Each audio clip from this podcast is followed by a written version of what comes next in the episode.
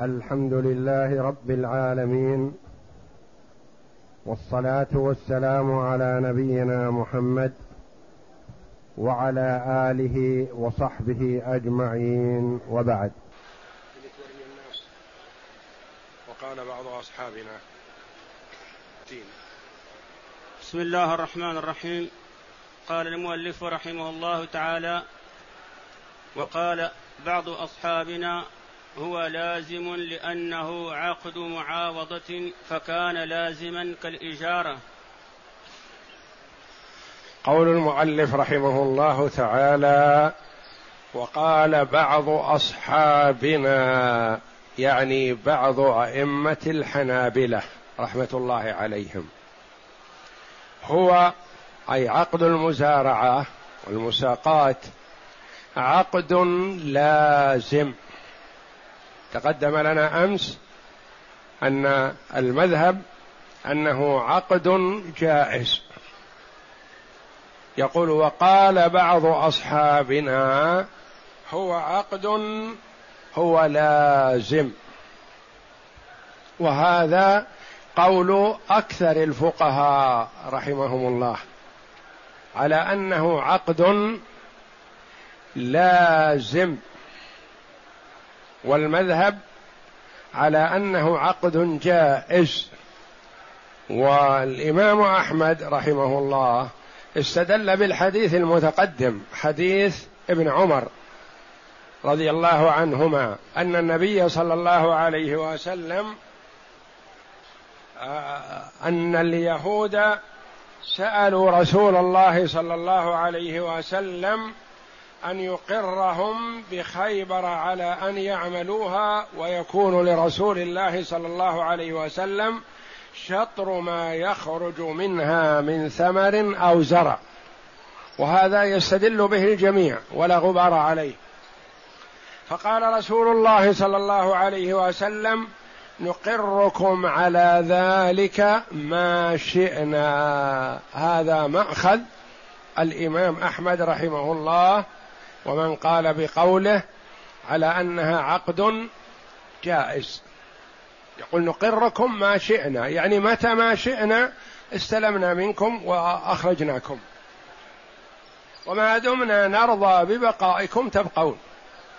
فهذا هو العقد الجائز وليس بلازم لأن الإنسان إذا استأجر ما يقول له المالك تبقى في البيت حتى أحتاجه فإذا أحتجت أخرجتك. لا.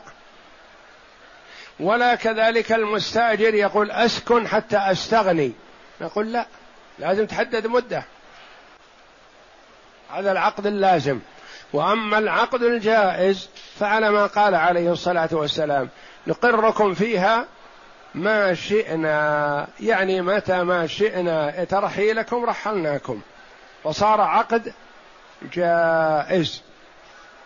مثل الوكالة. أنت توكل زيد اليوم وغدا تفسخ الوكالة. هذا عقد جائز. أنت توكل زيد وغدا هو نفسه يفسخ الوكالة. يقول لست وكيلا عنك. ابحث لك عن وكيل غيري. هذا عقد جائز يعني من الطرفين. أي واحد من الطرفين أراد إلغاء العقد فله ذلك. بخلاف العقد اللازم فلا يلغى قبل تمام المدة ما دام فيه وقت محدد. يقول رحمه الله وقال بعض أصحابنا هو لازم لأنه عقد معاوضة يعني اتفاق بين طرفين على شيء على مقابل شيء آخر وهو جزء من الثمرة. فكان لازما كالإجارة. عللوا تعليل رحمهم الله. والدليل مع الإمام أحمد رحمه الله. فكان لازما كالإجارة فعلى هذا تفتقر إلى تقدير مدتها. إذا قيل إنه عقد لازم لازم يحدد وقت. وإذا قيل عقد جائز فلا يلزم تحديد وقت مثل العقد اللازم الوكالة والمضاربة ما يحدد لها وقت. العقد اللازم مثل البيع مثل الإجارة مثل الوقف ما يرجع فيه الإنسان. عقد لازم. ما أخذهم رحمهم الله الذين قالوا هو عقد لازم قالوا خشية أن المالك بعد خروج الثمرة يقول للعامل مع السلامة. سلم والعقد جائز خلاص وقفنا العقد. ما تقول؟ يا من يقول إنه عقد جائز. أقول هذا مضبوط. هذا مقيد. إذا قاله بعد خروج الثمرة نقول العامل له حق في الثمرة هذه. ما تقول له مع السلامة واذهب. له جزء من هذه الثمرة ينتظر حتى يسلمك نصيبك ويأخذ نصيبه. فحتى لو كان عقد جائز ما دام خرجت الثمرة وهي مشتركة فتكون للجميع. ما يملك المالك يقول له اذهب. قالوا قبل أن تخرج الثمرة قد يقول له اذهب. نقول حتى هذا قبل خروج الثمرة إذا قال له اذهب فقد قلنا أمس أنه يعتبر إجارة يأخذ أجرة مثله. ما يذهب عمله هبا إلا إن كان هو نفسه الذي طاب خاطره وانصرف فلا فليس له شيء. لكن إذا كان اجتهد وقام بعمله وعند قرب خروج الثمرة قال له المالك ألغينا العقد؟ نقول سلمه يا المالك أجرة المثل وقد تكون أجرة المثل أكثر من نصيبه من الثمرة. فما يضيع شيء.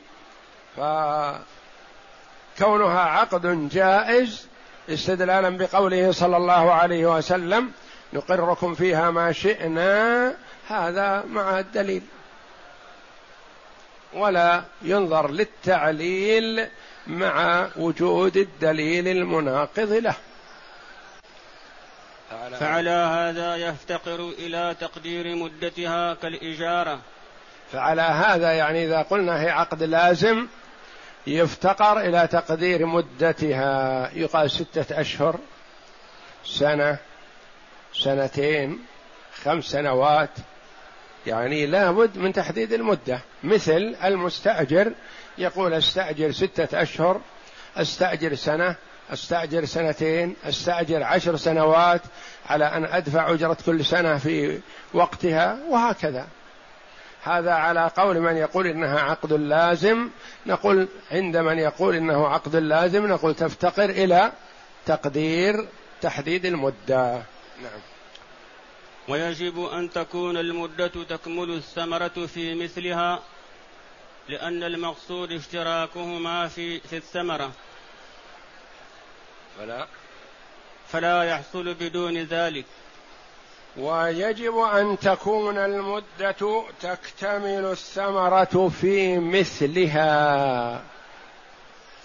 إنسان ساق شخص مع شخص آخر بعد الجذاذ. جذوا الثمرة القديمة وقال تعال أريد أن أساقيك على هذا النخل بحيث أني أسلمك. يكون لك ربع الثمرة ولي للمالك ثلاثة أرباع الثمرة. يقول عند من يقول تحديد المدة؟ حدد المدة. يقول نحدد المدة بشهرين. هل يصح؟ لا. ما في ثمرة خلال الشهرين. الآن جذوا الثمرة القديمة ما في ثمرة.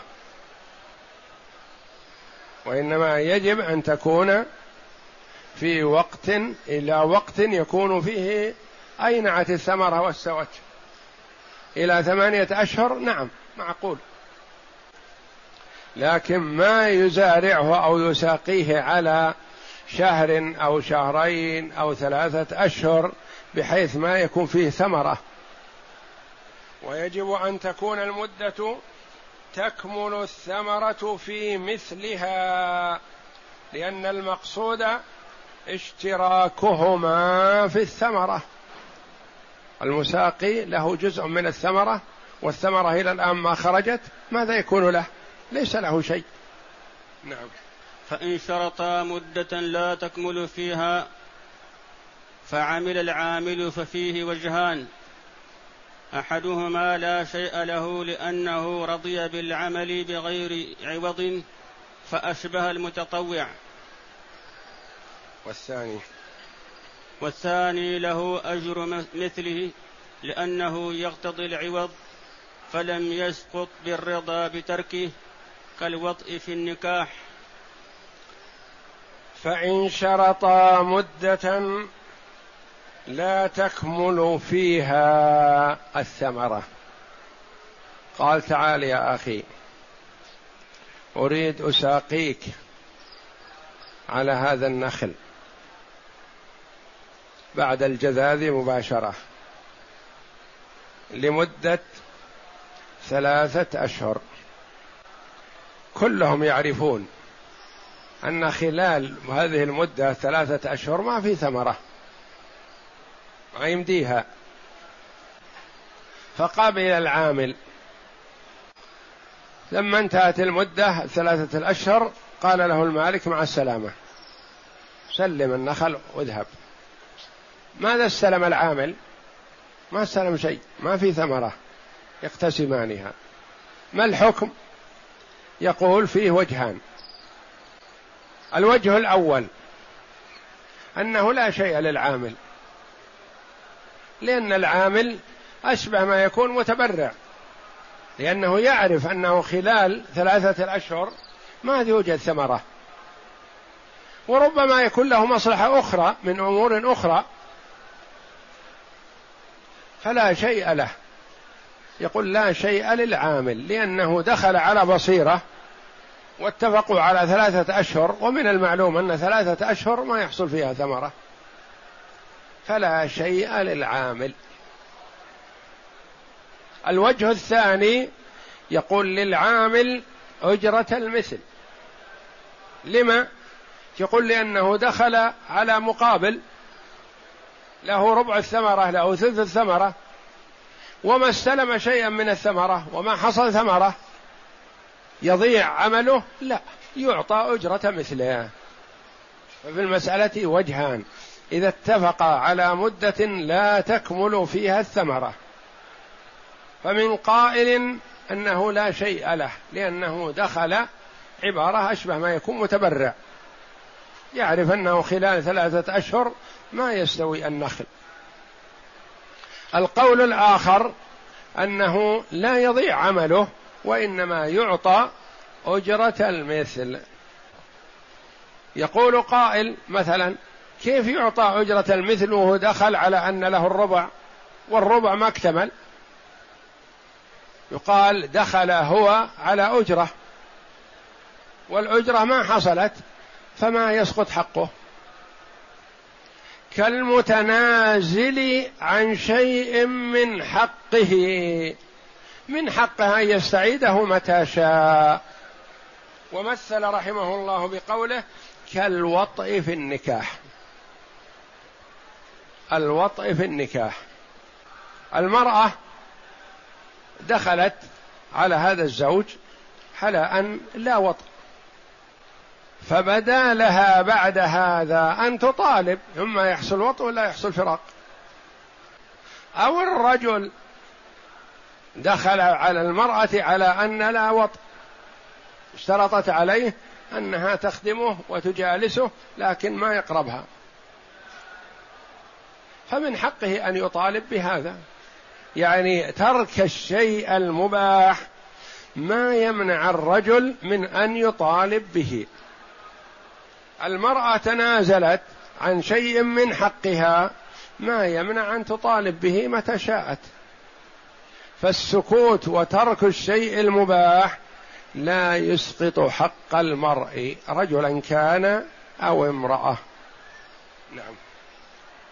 وإن جعلا مدة قد تكمل فيها وقد لا تكمل فيها وجهان. وإن جعل مدة تحمل في مثلها فلم تحمل. لا هذه قبل يا وإن جعلا مدة تحمل في مثلها فلم تحمل فلا شيء له لأنه عقد صحيح فيه مسمى صحيح فلم يستحق غيره كعامل المضاربة إذا لم يربح. إذا جعل مدة ممكن أن تحمل الثمر لكن ما حملت. فمثلا بعد الجذاذ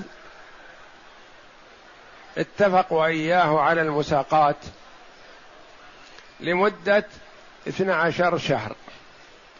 قال مثلا الجذاذ في شعبان جذ النخل وانتهى. قال مثلا إلى شعبان من السنة القادمة ويكون لك ربع الثمرة نصف الثمرة ثلث الثمرة. المدة كافية. وصالحة لأن تحمل وعادة تحمل فيها النخيل. لكن تلك السنة التي حصل الاتفاق فيها ما حملت.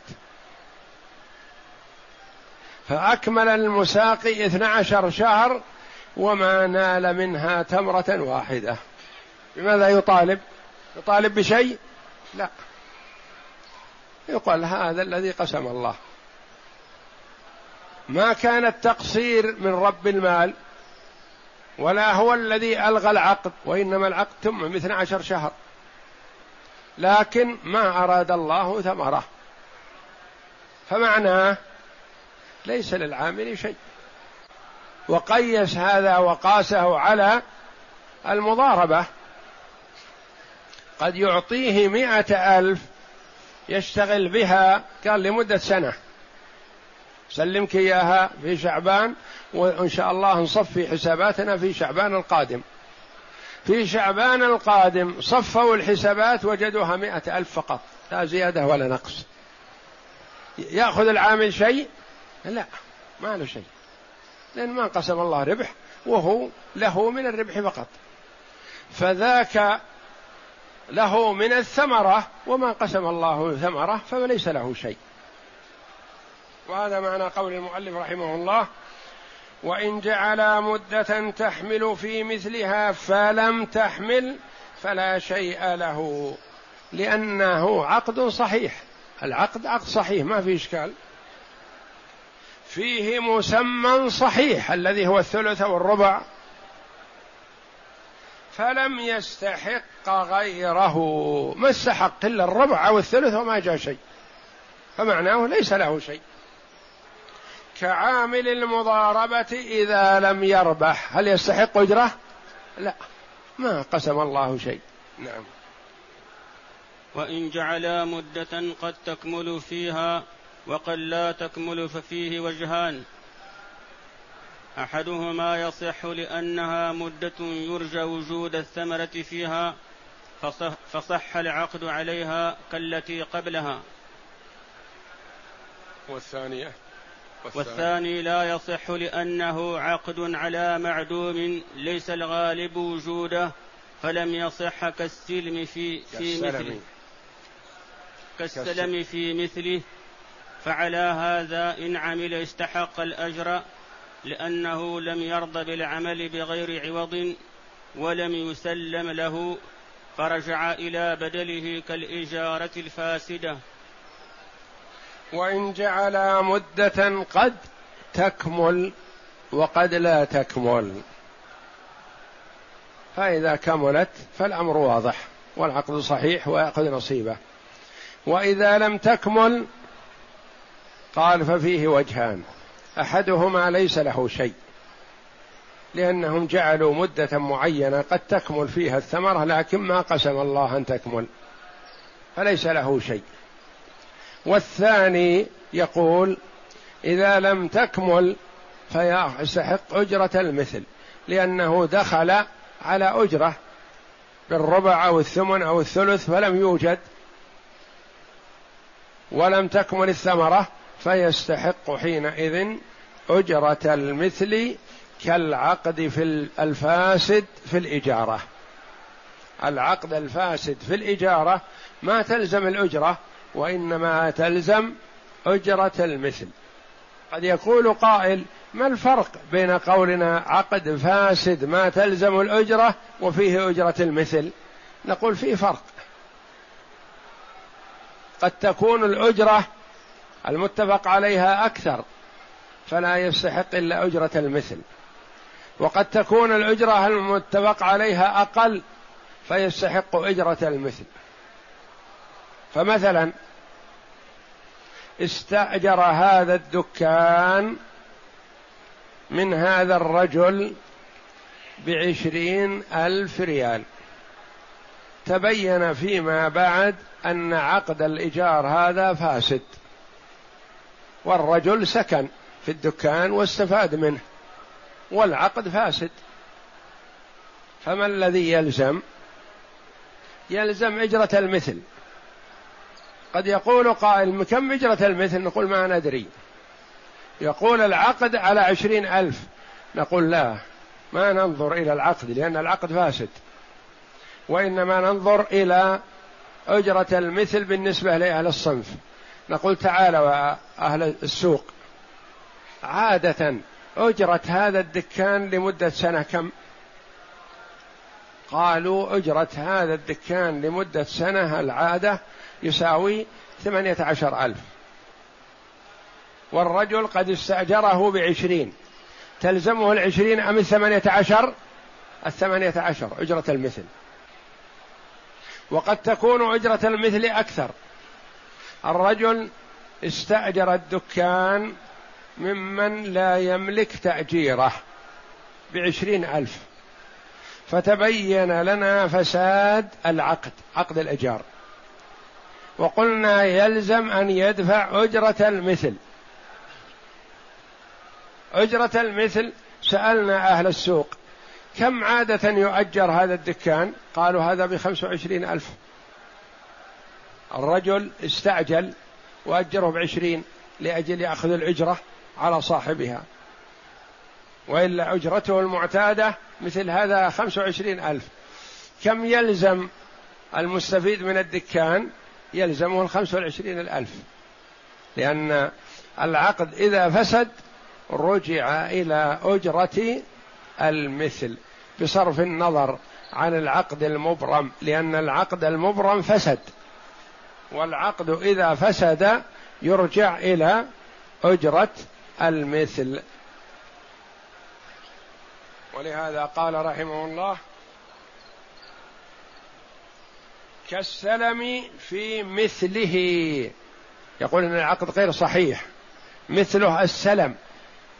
السلم هو تقديم الثمن وتأخير المبيع. فمثلا اتفقوا على بيع ألف كيلو من الرطب في تسلم في ذي القعدة. من المعلوم لدى الجميع أن الرطب لا يوجد في ذي القعدة. ما في رطب ذي القعدة أبدا. الرطب يكون مثلا مثل هذا الوقت في رجب وشعبان. في ذي القعدة ما يكون في رطب. ما حكم هذا السلم؟ هذا السلم فاسد. لأنهم شرطوا تسليم المدة تسليم المبيع في وقت غير موجود لا يوجد. متعذر وجوده. فيكون العقد فاسد. كذلك هنا قال إذا زارعه على شيء ما في وقت ما يكون فيه ثمرة ولا تخرج ثمرة ولا توجد ما اكتملت ولا خرجت. فيكون العقد غير صحيح ويكون للعامل الذي اشتغل أجرة مثله حسب ما يكون راتب العامل الذي يعمل مثل عمله. مثلها رحمه الله بالسلم إذا تعوقد عليه في غير وقته ومثله الإجارة الفاسدة أنه يرجع فيها إلى أجرة المثل. والله أعلم. وصلى الله وسلم وبارك على عبده ورسول نبينا محمد وعلى آله وصحبه أجمعين.